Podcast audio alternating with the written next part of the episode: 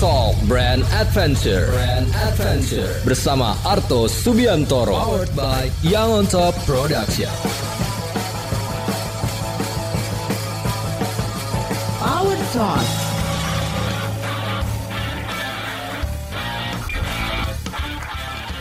Halo, selamat malam Power People. Jumpa lagi bersama dengan saya Arto Subiantoro di program Power Talk Brand Adventure, sebuah program yang membahas tentang kehebatan brand-brand lokal di seluruh Indonesia. Hari ini kita kedatangan tamu super spesial yang karyanya bukan lagi cuma sekedar di ranah musik, tapi juga punya karya yang jauh lebih besar yaitu membangun Indonesia yang lebih baik. Siapa lagi kalau bukan Mas Adi MS founder dari Toilet Orchestra. Selamat datang Mas Adi. Uh, selamat eh selamat.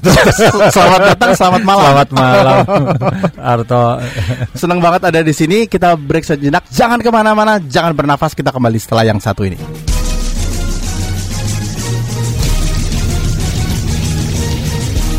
Anda sedang mendengarkan program Power Talk Brand Adventure, sebuah program yang membahas tentang kehebatan brand-brand lokal di seluruh Indonesia. Hari ini uh, temanya agak sedikit berbeda. Kita mengundang sebuah brand yang sangat langka. Bisa dibilang sangat langka karena jumlahnya mungkin nggak ada 10 kali ya kalau bicara orkestra. Dan hari ini hadir sosok yang pasti kita sangat kenal dan sangat peduli sekali dengan perkembangan orkestra, tapi juga kemudian temanya adalah membangun Indonesia yang lebih baik. Selamat datang Mas Adi MS kasih Mas Arto. Mas terima kasih sudah hadir di studio. Banyak banget yang sudah tanya dan mau dengar pandangan uh, dan bicara mungkin pertama kali kalau kita bicara toilet orkestranya sendiri. Kita bicara 28 tahun. Itu sebenarnya sebuah brand loh, Mas. Oh. Kalau disadari 28 tahun. Nah, apa yang terjadi dalam 28 tahun ini? Pernah kasih ada satu titik struggle, penyesalan atau sesuatu yang mungkin harus diulang kalau saya bisa lakukan lebih baik, tapi apa ceritanya dari toilet ini yang kita belum tahu?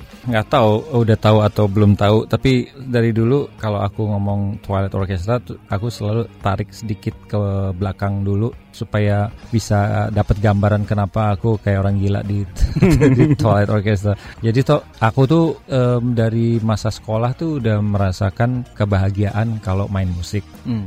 Nah, terus lulus SMA itu kan kita harus memutuskan mau ke perguruan tinggi mana, fakultas apa gitu ya. Nah, aku delapan bersaudara semua jelas tuh minatnya.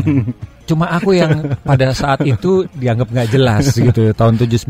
Tahun 79 itu uh, menjadi musisi itu nggak terpikirkan itu kayak apa ya, lu mau masa depan lu susah gitu ya. Nggak jelas. Jadi ayah saya saking sayangnya melarang aku untuk terus di musik. Nah, punya perusahaan pengen diteruskan oleh anaknya, nggak ada yang mau. Terus aku yang dapat ini korbannya. Udah kamu teruskan perusahaan apa gitu. Aku sempat jadi kasir.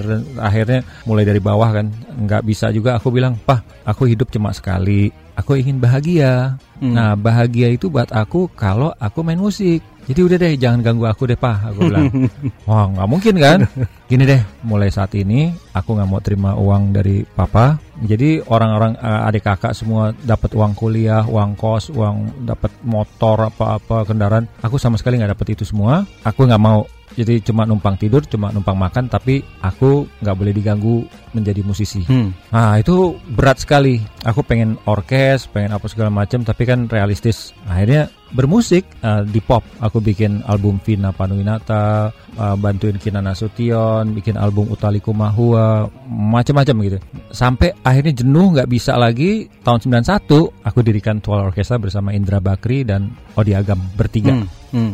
Uh, di awal pendirian Tual Orkestra itu jelas uh, susah banget, banget banget susah lah gitu ya. Zaman itu kan siapa yang mau dengerin hmm. orkestra gitu. Nah, tapi ya nah itu panjang ceritanya. Mungkin nanti kalau ada waktu kita elaborate. Tapi yeah. uh, mulai dari tahun 91 sampai sekarang uh, udah 28 tahun alhamdulillah Tuhan kasih umur gitu ya. Padahal waktu itu aku jadi bahan taruhan teman-teman gitu. Ada yang bilang paling banyak dua bulan lu bubar, lu balik lagi ke musik industri, musik pop yeah, gitu ya. Yeah, yeah. Tapi alhamdulillah sampai sekarang bisa survive. Wow. Dan uh, sebenarnya pada saat itu musik industrinya sendiri sudah sustain ya. Artinya kalau bicara Wah, aku lagi bahagia bahagia-bahagianya. Jadi Duitnya dari kencangnya di situ tahun justru. 79 sampai 91 12 tahun itu em, aku bikin jingle, bikin eh, TVC gitu, bikin musik pop, album segala macam. Kebanyakan album Vina tuh yang lagu ngetop-ngetopnya Ya, itu ya, aku ya. yang produce gitu. Ya. Em, itu setiap tahun tuh pasti aku jalan ke New York. Selalu uang aku habisin ke luar negeri gitu.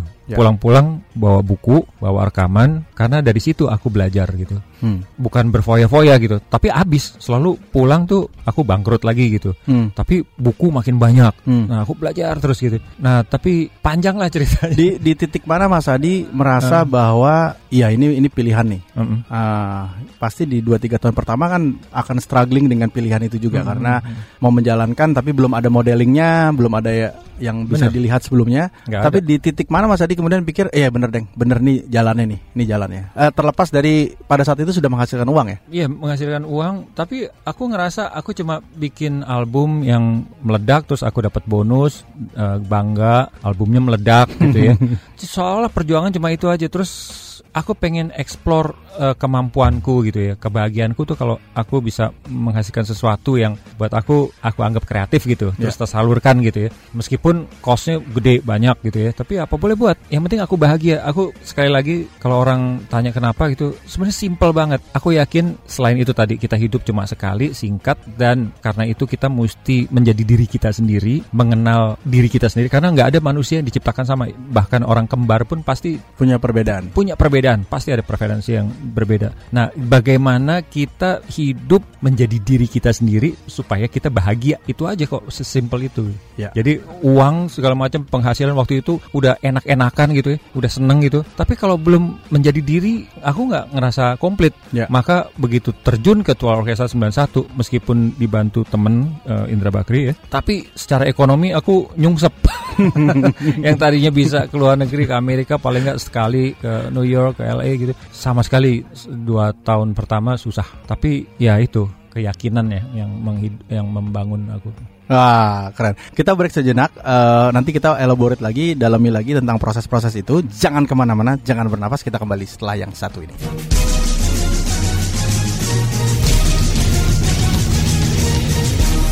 Anda sedang mendengarkan program Power Talk Brand Adventure, sebuah program yang membahas tentang kehebatan brand-brand lokal di Indonesia. Dan hari ini kita bersama dengan Mas Adi MS. Oke, eh, ini sudah ada beberapa pertanyaan yang masuk Mas Adi. Tapi kita lanjut lagi ke toilet orkestra dulu ya. Kalau kita bicara eh, paling gampang tuh kalau bangun brand di dunia brand, kita punya benchmarking. Orkestra mana sih kalau dalam konteks eh, Mas Adi gitu ya, yang pada saat itu kemudian menjadi apa ya panduan dan apakah sebenarnya waktu mendirikan itu uh, dalam konteks itu Mas Adi masuknya ke area lebih ke bisnisnya atau pokoknya senang aja? Karena ada nggak sih perencanaan-perencanaan oh tahun pertama toilet harus kayak begini atau ngalir aja gitu? seperti saya sampaikan tadi awal berdirinya Tual Orkestra itu eh, itu didasari hanya karena passion kan Hmm. bukan karena pertimbangan bisnis karena kalau bisnis aku lebih baik sebelum itu bikin musik jingle kayak satu menit 30 detik itu waduh duitnya udah jauh lebih banyak gitu. Zaman itu pula lagi. zaman itu waduh seneng banget. Em, tapi ya itu passion. Ah, terus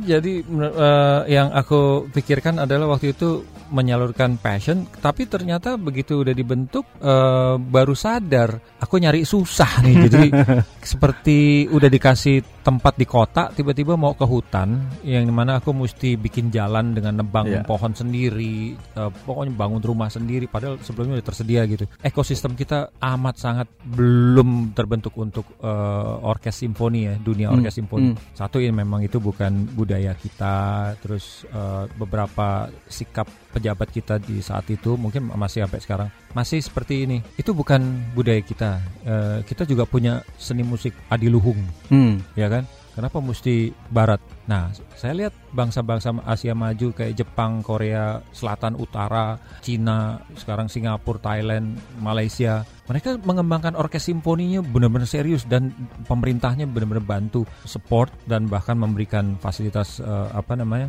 Hmm, Beasiswa kons- dan- eh, eh, concert hallnya Concert hall, dibangunin, ya. infrastruktur ya. kita nih Singapura ada empat hall yang bisa konser akustiknya bagus untuk orkestra gitu. Di Indonesia pemerintah nggak bangun satu pun dari zaman Soeharto sampai sekarang. Bayangin, cuma ada di Kemayoran itu swasta. Pokoknya dari segi sponsorship eh, itu apa namanya eh, Eh, pendanaan. pendanaan, perpajakan semua enggak mendukung banget gitu. Nah, tapi aku juga bingung waktu itu mau bisnis modelnya seperti apa gitu. Cari em, referensi di orkester dahulu sampai Ya. aku ubek-ubek library di RRI gitu. Ada nggak sih orkestra ada. sebelum toilet sebenarnya? Ada, tapi di- eh, di zaman tahun 50-an tuh pernah ada, tahun 40-an juga pernah ada eh, RRI gitu, orkestra Hmm, RRI gitu.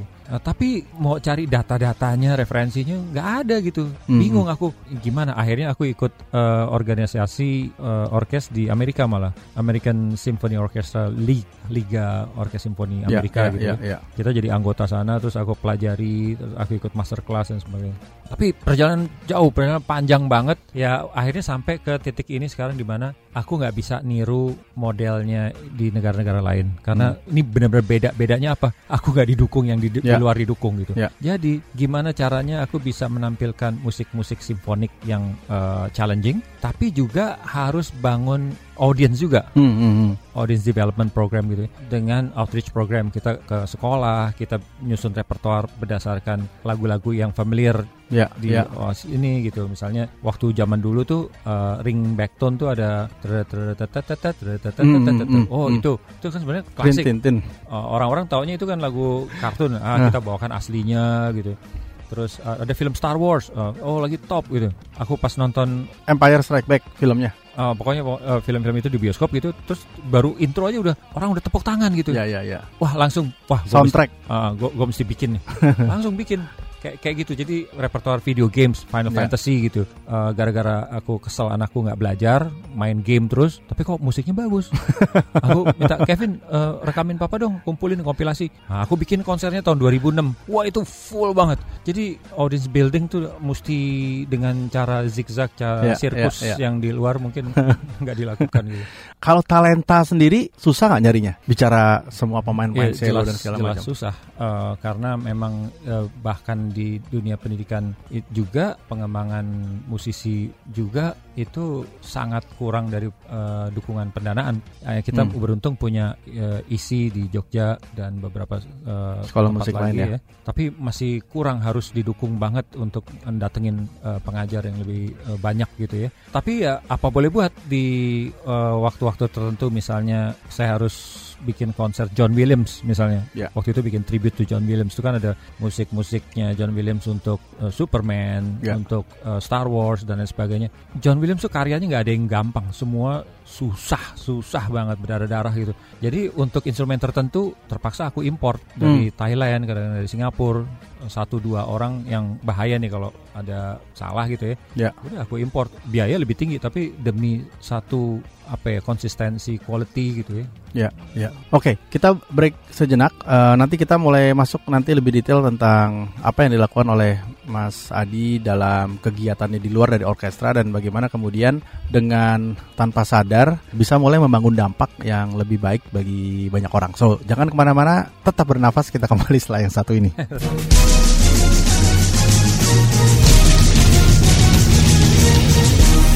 Anda sedang mendengarkan program Power Talk Brand Adventure. Hari ini kita kedatangan tamu istimewa Mas Adi MS dan hari ini kita membahas banyak hal seputar musik, toilet orkestra dan juga bagaimana dampak yang kita bisa bangun untuk membangun Indonesia. Nah, Mas, ini ada beberapa pertanyaan yang sudah masuk. Saya coba bacain dulu ya. Yang pertama ada satu pertanyaan eh, yaitu apakah sekarang nih eh, ada masa depan buat musik anak-anak apa sih yang membuat eh, sekarang kita punya punya kesempatan untuk membangun musik khususnya di industri anak-anak apa yang salah setelah beberapa tahun yang lalu kita punya banyak musik atau musisi anak tapi sekarang mulai jarang Dulu kalau hidup di zaman saya dan sebelumnya dan sedikit setelahnya kita kenal lagu anak karya Pak Kasur, Betul. Ate Mahmud, busut ya Sut gitu ya. Eh, burung kakak tua terus naik naik Ya. ke puncak gunung dan sejenisnya gitu. Kalau sekarang memang kita nggak nemu lagi lagu-lagu baru seperti itu. Kalau toh ada sedikit sekali. Ya. Yang kita lihat anak-anak kecil itu mengkonsumsi lagu-lagu dewasa Ya, yang ya. cinta, patah hati apa Betul, segala betul. macam gitu. Dan anak 8 tahun aja Oh, udah mulai ngomong patah hati ya Oh, oh. dan dibawakan dengan gaya orang, Orang de- dewasa orang juga. dewasa, Eh, betul. Pakai lipstick, pakai ini apa segala macam. Eh, sedih sih. Cuma gini, aku berusaha menghadapi dengan sebijak mungkin gitu ya. Yang tentunya akhirnya belum tentu itu bijak ya. Hmm. Jadi aku gini melihat bahwa tidak ada di dunia ini yang tidak berubah. Semua berubah. Gitu Hmm. ya. Apa yang kita anggap normal pada zaman kita, kalau kita lihat zaman sekarang kita bandingin langsung apple to apple dengan itu ya nggak bisa gitu ya. Hmm. Nggak nggak apple to apple maksudnya. Jadi seperti zaman sekarang kita udah punya teknologi informasi yang luar biasa sedemikian rupa sehingga kalau zaman aku tuh eh, untuk bisa nonton orkestra eh, dengan konduktor Zubin Mehta misalnya kita mesti ke Amerika ke Eropa gitu rekamannya aja susah gimana caranya kalau sekarang tuh even live sering kali latihannya gitu bisa kita bisa lihat bayangkan Iya, iya, iya, betul. dan apa yang terjadi split second di belahan dunia mana pun kita tahu gitu. Nah anak-anak juga gitu terpapar dengan berbagai informasi, udah banjir informasi, susah sekali gitu ya untuk sama sekali mensensor. gitu. Ini lagu dewasa, ini apa segala Iya, macam. iya. Jadi dalam kehidupan seperti itu, aku pikir terlalu utopis gitu untuk berharap bahwa kita harus punya lagu anak seperti lagu Ibu Sud, bla bla bla bla gitu. Iya, iya. Utopis menurut aku. eh, Karena zamannya juga berubah ya. masih ada beberapa teman yang masih optimis dia coba ciptakan silahkan itu kita butuhkan gitu tapi aku mendingan realistis gitu dengan cara eh, apa namanya ya tentunya dari orang tua juga eh, tolong jagain anak-anak supaya nggak bebas dengan gadget mereka gitu ya Hmm, nah hmm. kemudian yang pencipta lagu musisi pikirkan juga program atau lagu yang eh, sesuai dengan mereka meskipun tidak dengan gaya ibu sud ibu kasur ibu Tapi sesuai zaman dengan dulu. zaman yang sudah ada ah, sekarang. dengan lirik yang lebih sederhana, ini lebih cuma eh, dengan bungkusan yang yang lebih elaborate lah, seperti kayak di sana tuh eh, Disney Iya, gitu. Iya, iya, iya, iya. So itu jawabannya khususnya buat kasih sama cinta yang kepingin banget jadi penyanyi anak. Ini ada satu pertanyaan lagi, mungkin tadi sudah dijawab tapi ini menarik untuk ditanya eh, dari bapaknya Hawa. Bapaknya Hawa berarti nama anaknya Hawa. Apa yang kemudian menjadi inspirasi selama 28 tahun ini untuk bisa terus bertahan? Memang tadi eh, Mas Adi bilang soal passion, tapi eh, faktor apa sih yang sebenarnya membuat bertahan eh, sampai sekarang? Apakah kadung udah keburu jalan atau ada satu driver-driver yang mendorong kita untuk sampai ke sana? Eh, kembali ke tadi bahwa yang patokan saya itu passion. Hmm. Hidup cuma sekali cari kebahagiaan. Jadi saya nggak pernah kepikir waktu muda sampai sekarang pun untuk jadi kaya gitu, jadi kaya raya. Tuh gitu. dengerin tuh. saya cuma pengen ini kaya raya katakanlah kita saya jadi konglomerat gitu sehari saya makan berapa kali sih Iya, iya. terus baju mau berlapis-lapis berapa sih gitu ya. terus diganti-ganti juga. Beras emas gitu ya iya ya. kan? Eh, abis itu begitu mati pasti kebanyakan ditinggal tapi kita kehilangan kebahagiaan Betul. cuma pengen dilihat kaya dibilang trendy dibilang ini itu ngapain jadi sekali lagi ya cari kebahagiaan dan kalau ditanya eh, apa resepnya menurut aku nih mungkin karena kita meng- aku mengerjakan apa yang aku suka. Orang bilang kalau kita mengerjakan apa yang kita suka kita nggak akan merasa bekerja. Ya. nah jadi memang alhamdulillah aku kerja begadang bikin musik apa segala. Aku tuh nggak pernah merasa aku nih kerja terus kayak besok dimarahin sama bos apa segala. Hmm. enggak aku rasa ini juga bisa di semua bidang yang penting kalau kita udah suka terhadap satu bidang kita kerjakan dengan penuh pengabdian penuh, eh, apa namanya dedikasi gitu kita akan merasakan kebahagiaan dan tidak merasa kerja tapi merasa fun Dan mungkin jadi craving ya. Jadi begitu ngelihat orang bahagia, kitanya juga jadi senang, terus kita jadi kepingin I- terus iya. untuk berlanjut ya. betul Nagih istilahnya. lagi Oke baik, ini masih banyak pertanyaan, tapi kita terpaksa harus break dulu. Eh, jangan ke mana-mana, kita kembali yang satu ini.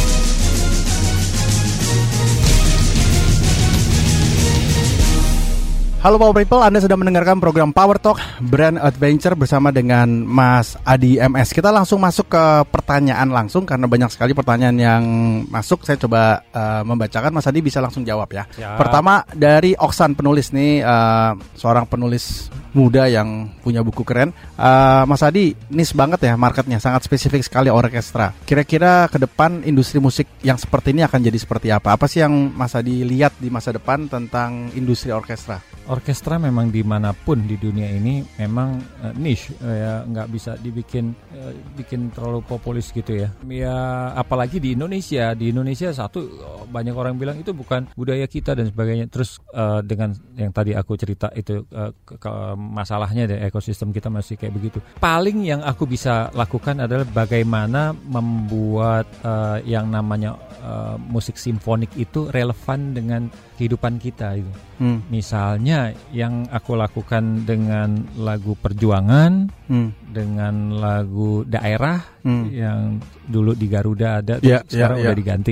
Ya. Itu kan lagu-lagu daerah dari Sabang sampai Merauke, orang-orang kenal kan, Ya. Eh, kit- gue banget gitu. Hmm, hmm. Eh, bagaimana itu dikemas secara berbeda yaitu dengan bunyi eh, musik simfonik. Nah Ya. ternyata lumayan inilah eh, banyak eh, Respon. respon gitu ya. Orang jadi suka dengan bunyi musik simfonik yang dulunya wah itu terlalu serius, eh, susah dan sebagainya. Sekarang kan terbukti enggak kok. Ya, ya. Terus Malah yang- kalau nggak ada malah, Hah, kok nggak ada ya? lagu musiknya apa ya? Terus apalagi belakangan ini sering aku ulang-ulang lagi eh, di beberapa peristiwa misalnya waktu di balai kota membawakan lagu perjuangan dengan orkes simfoni kemudian eh, mars TNI yang aku bikin em, terus aku bungkus dengan orkes simfoni segala macam lama-lama eh, bisa menjadi lebih akrab gitu saya kira hanya dengan itu yang aku bisa lakukan sebelum nunggu eh, daripada nunggu ini pemerintah begini-begini eh, Dan kita mulai dulu. kita mulai dulu aja Ya, baik. Kemudian ada pertanyaan dari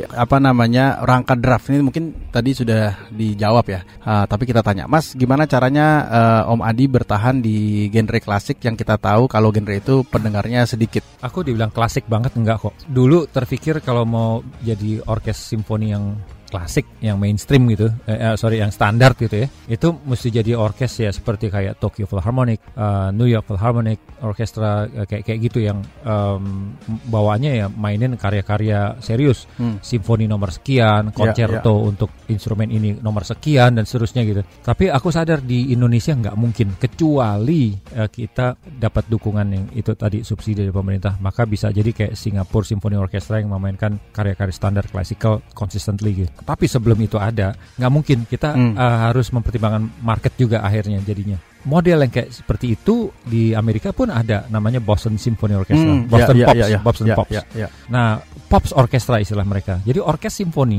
yang secara eh, visual, secara mata gitu ya, eh, nggak ada bedanya dengan orkes eh, klasik gitu ya. Tapi repertoarnya, apa yang dimainkan, pilihan atau menunya itu tidak melulu klasikal. Hmm, hmm. Klasikal yang eh, eh, klasikal juga, tapi juga Ya. mainkan non klasikal misalnya Ya. musik film Ya, eh, ya, dan ya. Sehingga sebagainya. jadi lebih rich, lebih kaya dan bisa lebih Ah, masuk ya. Nah itu patokan aku jadinya eh, Ke arah ya, sana. Boston Pops, Cincinnati Pops dan Ya. sebagainya. Baik, so itu jawabannya Mas Oksan. Eh, yang berikut, oh dari Mas Oksan juga boleh di share nggak Mas Adi positioning? Wah ini agak strategis nih. Positioning atau pembeda antara Toilet Orchestra dengan Erwin Gutawa, walaupun berteman tapi pasti ada pembedanya kan. Hehehe. Eh, jelas kalau Erwin Gutawa Orkestra is a- apa yang saya amati lebih ke pop Hmm. dan lebih ke apa lebih banyak bukan itu ya tapi le- tapi lebih banyak mengiringi pop pop. penyanyi pop, Pop, gitu ya iya. biasanya tapi mungkin nanti eh, ada variasi juga gitu ya sana kemari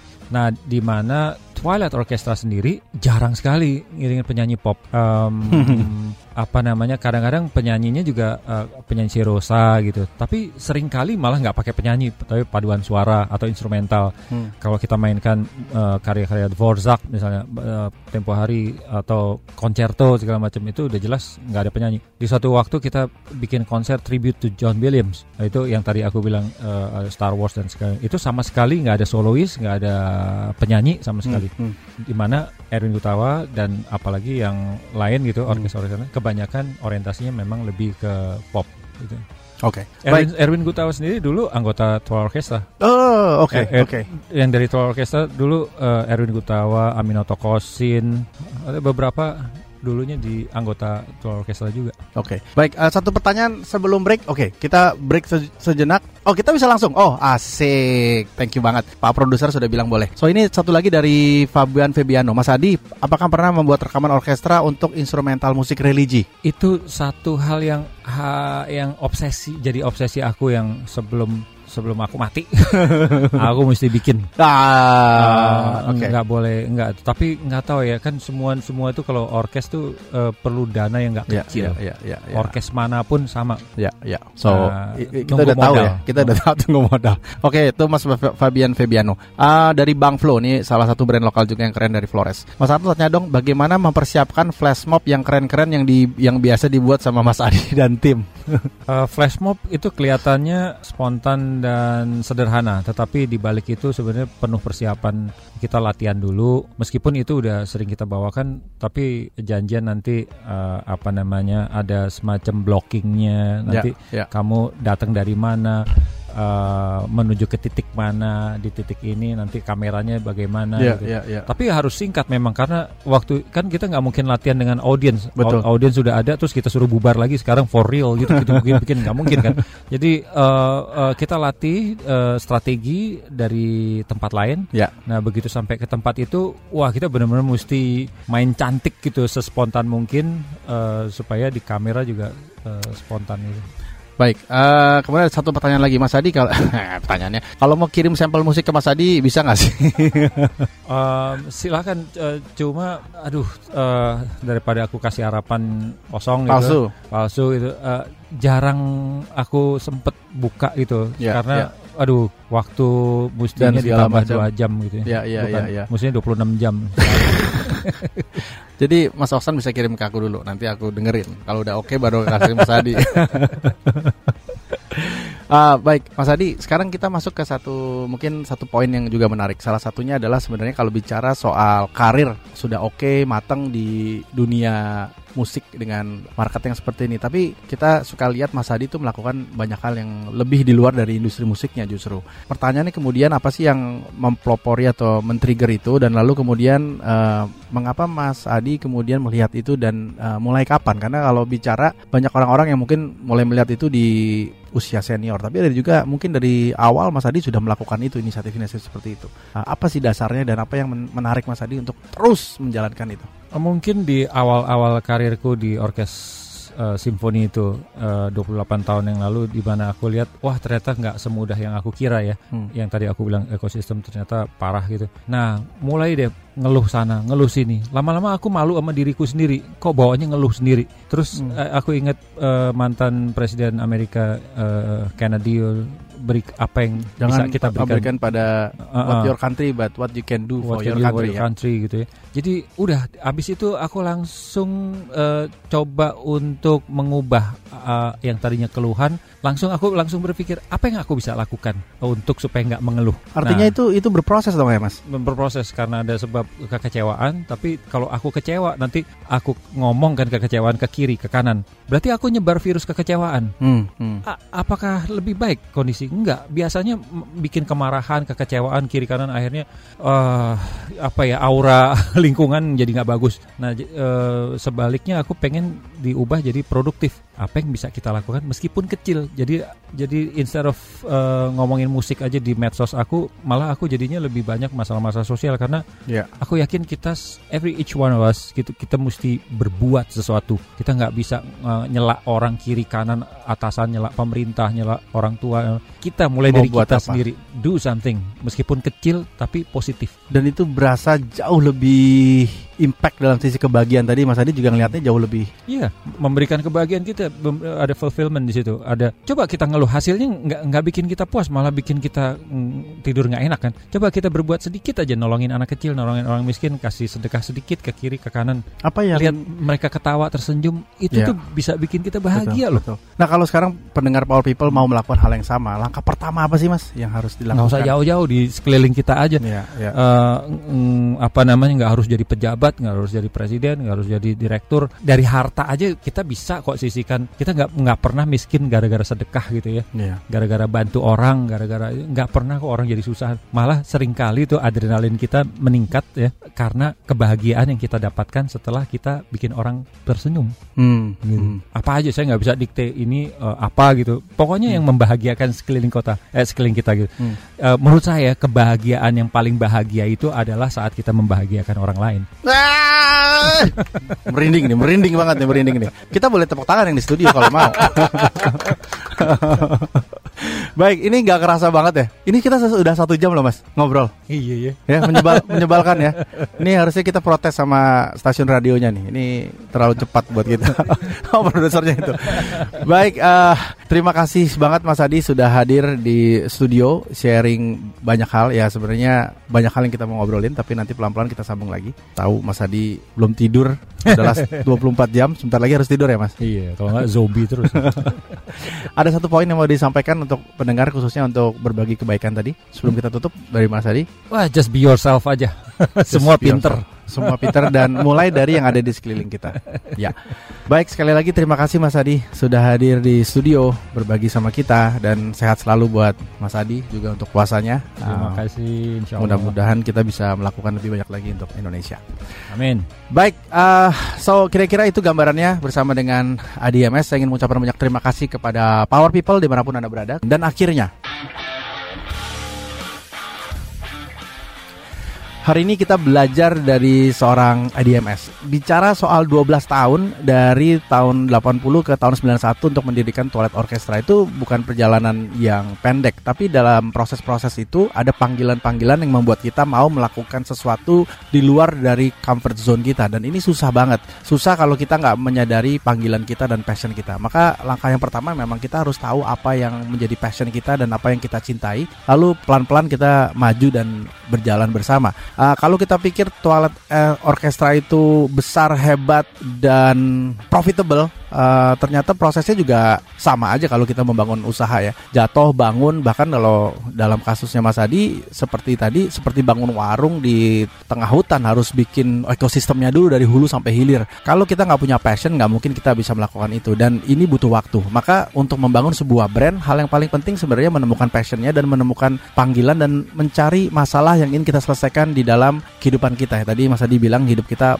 pendek dan kita harus bisa bermanfaat untuk orang banyak. Maka menemukan itu menjadi kunci kalau kita belum punya dan kita coba cari dan temukan itu dan pelan-pelan kita lakukan lewat impact-impact yang sederhana yang ada di sekitar kita, membantu tetangga kita, orang-orang yang ada di sekitar kita dan itu kita bisa lakukan mulai dari hal-hal yang paling kecil. So sampai di episode berikut terus berproses bangun brand bang, bukan cuma bangun bisnis dan cari uang tapi bangun impact bagi Indonesia dan bagi orang banyak. Saya Arto Subiantoro dan semua pertanyaan seputar brand Anda bisa kirim ke @brandadventure Indonesia atau ke Arto underscore Subiantoro. Program ini berjalan hanya kerjasama yang apik dengan Yang On Top Production. Sekali lagi terima kasih dan terus bangun brand Indonesia dan terimalah salam nasional kita sekali merdeka, tetap merdeka. Terima kasih kamu udah dengerin Power Talk Brand Adventure bersama Arto Subiantoro powered by Young on Top Production. Sampai ketemu di perjalanan selanjutnya.